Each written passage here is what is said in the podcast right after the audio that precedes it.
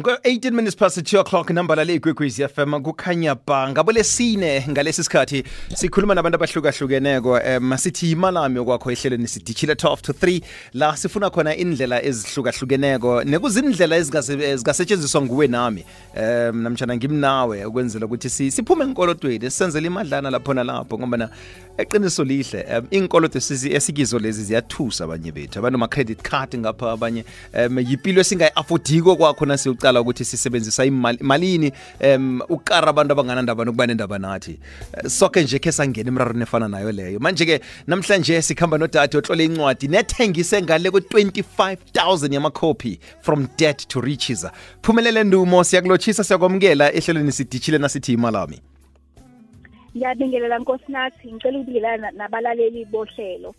25000 copies. Akusilula-ke lokho ukuthi kwenzeke.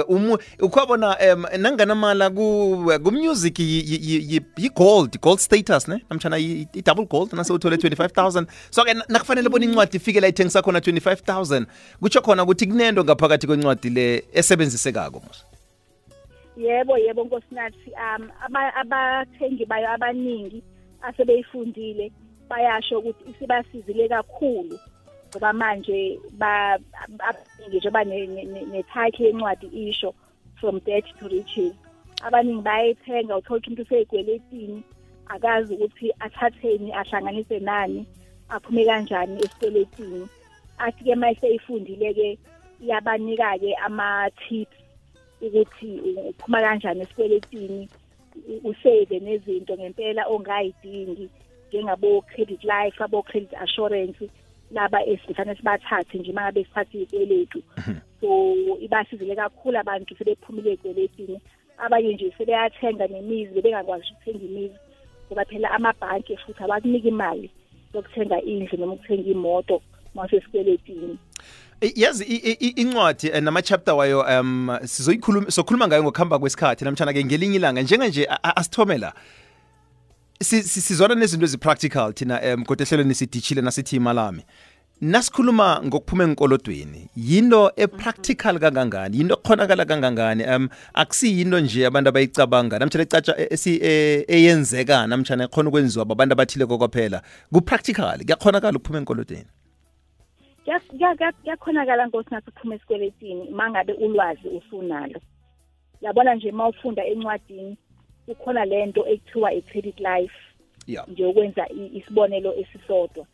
I-credit life ile insurance abakunika yona angithi nje mhlambe uthatha i-personal loan noma uthenga imoto bese befaka imali extra ngaphezulu kwi-installment sakho. Bathi-ke lena i-insurance ye-credit life uthi uma kwenzeka ushona usakhokha usakhokhela le moto noma le personal loan i-credit life ke izobe isibakhokhela bona. Abantu abaningi mase beyifundile incwadi into yokuqala leyo abayikhanselayo ngoba bayabona ukuthi bamoshela imali isidingo sayo asikho futhi ngoba abantu abaningi banayo i-life cover vele uma beshona i-life cover yabo iyosiza ukukhokha zonke iy'kweletu abebenazo. So-ke bese bethatha-ke leyo mali leyo e-extra abebeyikhokha for i-credit life bakhokhela isikweletu. Bese-ke siseshe siphela-ke kanjalo isikweletu. So nje ngenza nje i-example eyodwa kodwa ikhona nje wonke ama-ideas nokuthi iy'kweletu nkosinathi ayifani. Ezinye ziyabiza ngoba i-interest rate yakhona ibiza kakhulu. Um masibheka nje inhlobo ekhona yey'kweletu ama-credit card iy'kweletu zey'moto isikweletu sendlu ne-personal loan ne-micro loan. Lezo y'kweletu lezo azikucharge interest eyodwa. So encwadini siyachazela ukuthi isikweletu esibiza kakhulu kunazo zonke ese-personal loan ese-micro loan bese kuza ese-personal loan. Bese kuthi eshibhi lenazo sonke ese-home loan.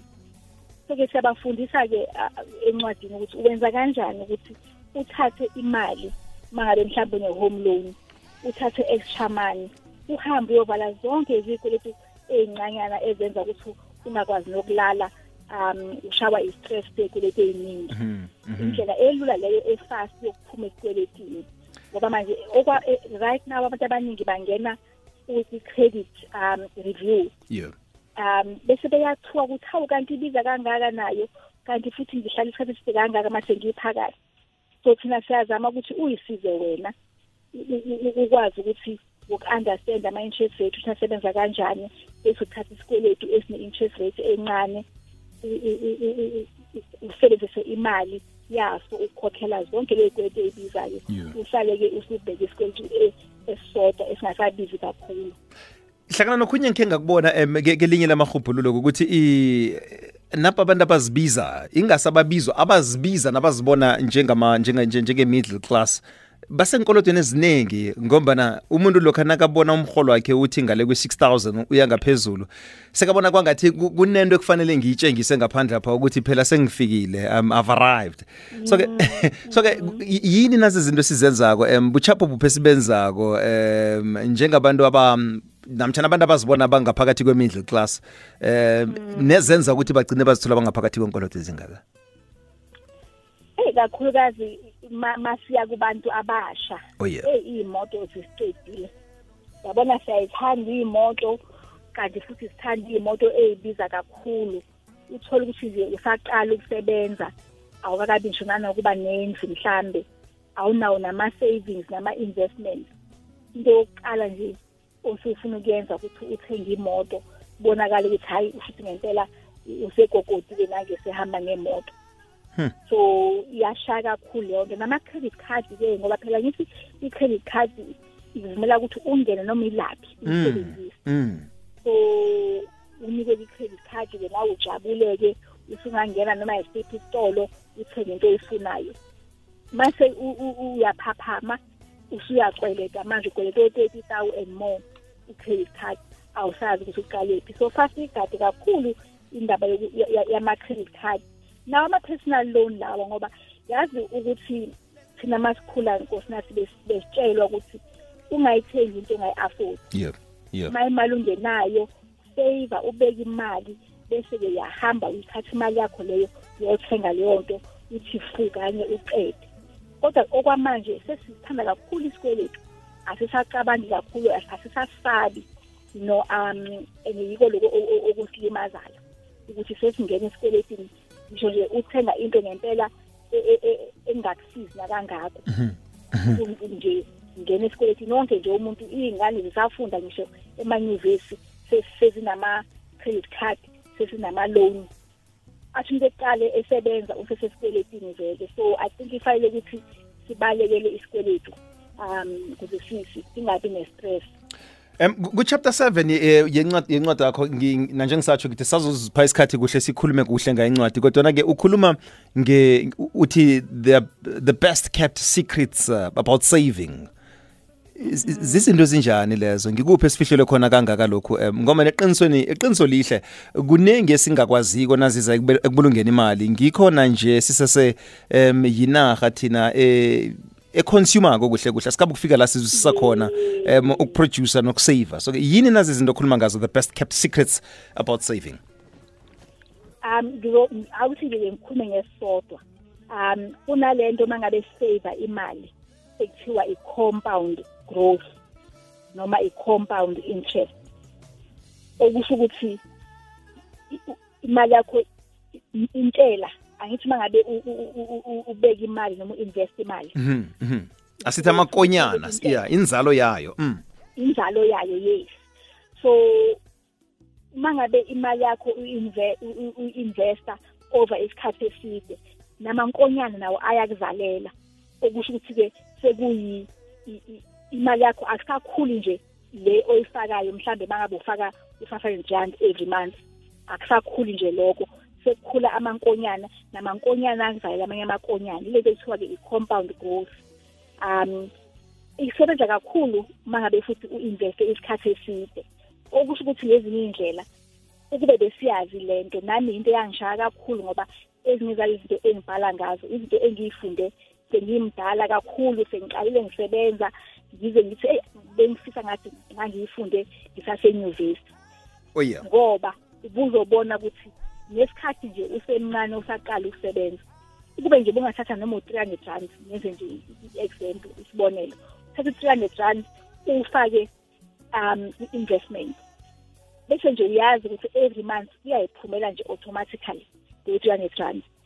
By the time uhamba mhlawumbe usuba no-fifty bani ukuthatha impesheni uyommangala ukuthi lo three hundred rand every month usuwamamiliyoni ngoba akusiwona nje kuphela hundred rand lo okhulayo. Iyazala amankonyane namankonyane azala amanye. Kuhambe kuhambe-ke ikhule kakhulu. Okusho ukuthi uma u-investa isikhathi eside um uyayibona ukukhula kwemali ikhula kangcono kunokuthi uyifake. Yabona uma ubheka nje istokfela nkosinathi siyayifaka ngithi imali januwari injalo. Siyayikhipha disemba ngonyaka ozayo siyayifaka januwari siyayikhipha disemba kube nje besingake sithi kulungile-ke mhlawumbe asikhiphe noma uhafu wayo ngodisemba siyibeke enye. Abantu abaningi ngabe sebenemali engasuki phansi. Injalo injalo kuyobe ikhula kodwa manje siqala phansi every year siqala phansi ngoba siyayikhipha yonke masikhiphe yonke. So ingabe sasebenzela-ke le compound good ngoba yena ifuna ukuthi uyigcine isikhathi eside number nambala em sekwale isikhathi kwaphela em kodwa ngisatsho nje em sisiphumelele ukuthi sizophe isikhathi kuhle sikhulume ngencwadi from death to riches. Kodwa sithe sikhulume vele nasi siyokhuluma ngayo lapho sibe sikhuluma nge nganasi i-subtitle lapha ithi steps to financial success. Ngoba na em kunento eziningi ngaphakathi kwencwadi lehlangana nokhunye kune rural housing loan eh, loan fund. Eh, mhlawumnye abanye abantu abangayitshejika abantu bacabanga ukuthi lokho na ufuna ukwakha kufanele nje wakhe em kwaphela eh E, e, endaweni ezisedrobheni lokho i-property yakho iza kuba ne-value eh lokho uzakwazi ukuthola i-funding. Kanti ke kukhona ama-loan angatshejekiko em kodwa ke kokugcina i-South African Savings Institute ihlala ikhuluma ngendaba yokonga. Kodwa kubonakala ngathi asi asi asiwuzo umlayezo lo. Nge-30 seconds nje kuphela ikinga yini kani? Umraro khuyini ngathi? Khona kuyenzeka nokuthi mhlambe ke kwesinye isikhathi amaholo mancane. Nokuthi uyabona sikhuluma ngokuseva ngoJuly kuphela kakhulukazi manje kuyi-savings month kodwa ngaphandle kukaJuly si wona amabhenki futhi iwona lawa adayisa ama-loan left and right. Awubatholi kakhulu abantu abakudayisela ukuthi investor mm. no ababaningi. Kodwa laba bathi nasi isikweletu nansi personal loan baningi kakhulu. Ya. Ya no ngikuzwa kamnandi. Ngikho ngikho bekusasho umunye athi nawathi uyacala kodwa ne eh na ungakhe uye kohulumende ufuna ifunding ungathatha unyaka wonke ukuyithola kodwa njenga nje ingene ebhanka wena uthi ufuna ifunding njenga nje uphiwa ngebelo ukutshengisa ukuthi no abantu bayafuna um ukuthi bakuphe isikolodo kodwa ukuthi bakubonise ukuthi imali uyiberegisa kanjani uyisebenzisa kanjani bahohe inyawo. Mm. sisiphumelele sekwalesikhathi kwaphela. Sikuthola njani mhlawumnye ku social media um nenombolo zomtato? Um we inombolo ke angizazi ngekhanda ngifike ngakhohlwa. Kodwa ke siyatholakala mawubheka uthuthuka SA sikhona ku Facebook sikhona ku LinkedIn um ngokulandela ke ngiyokhipha nenamba yase office ngifike ngakhohlwa angiyazi ngekhanda no angiyazi usisa awuyifoneli akunakinga nakancane sisiphumelele ngiyathokoza. Mangizoba se radio ngikhumbule ukuthi ngiyibeke duze no kuzwakele sisithokozile sokhuluma nawe ngiyacabanga iveke zakho sesikhuluma ngayo incwadi le steps to financial success. Okay sibuke kakhulu inkosi nathi siyabonga. Phumelele nduma umtloli wencwadi ethi from debt to riches msiza liphahla mbina gometlhaba kunathi kukhanya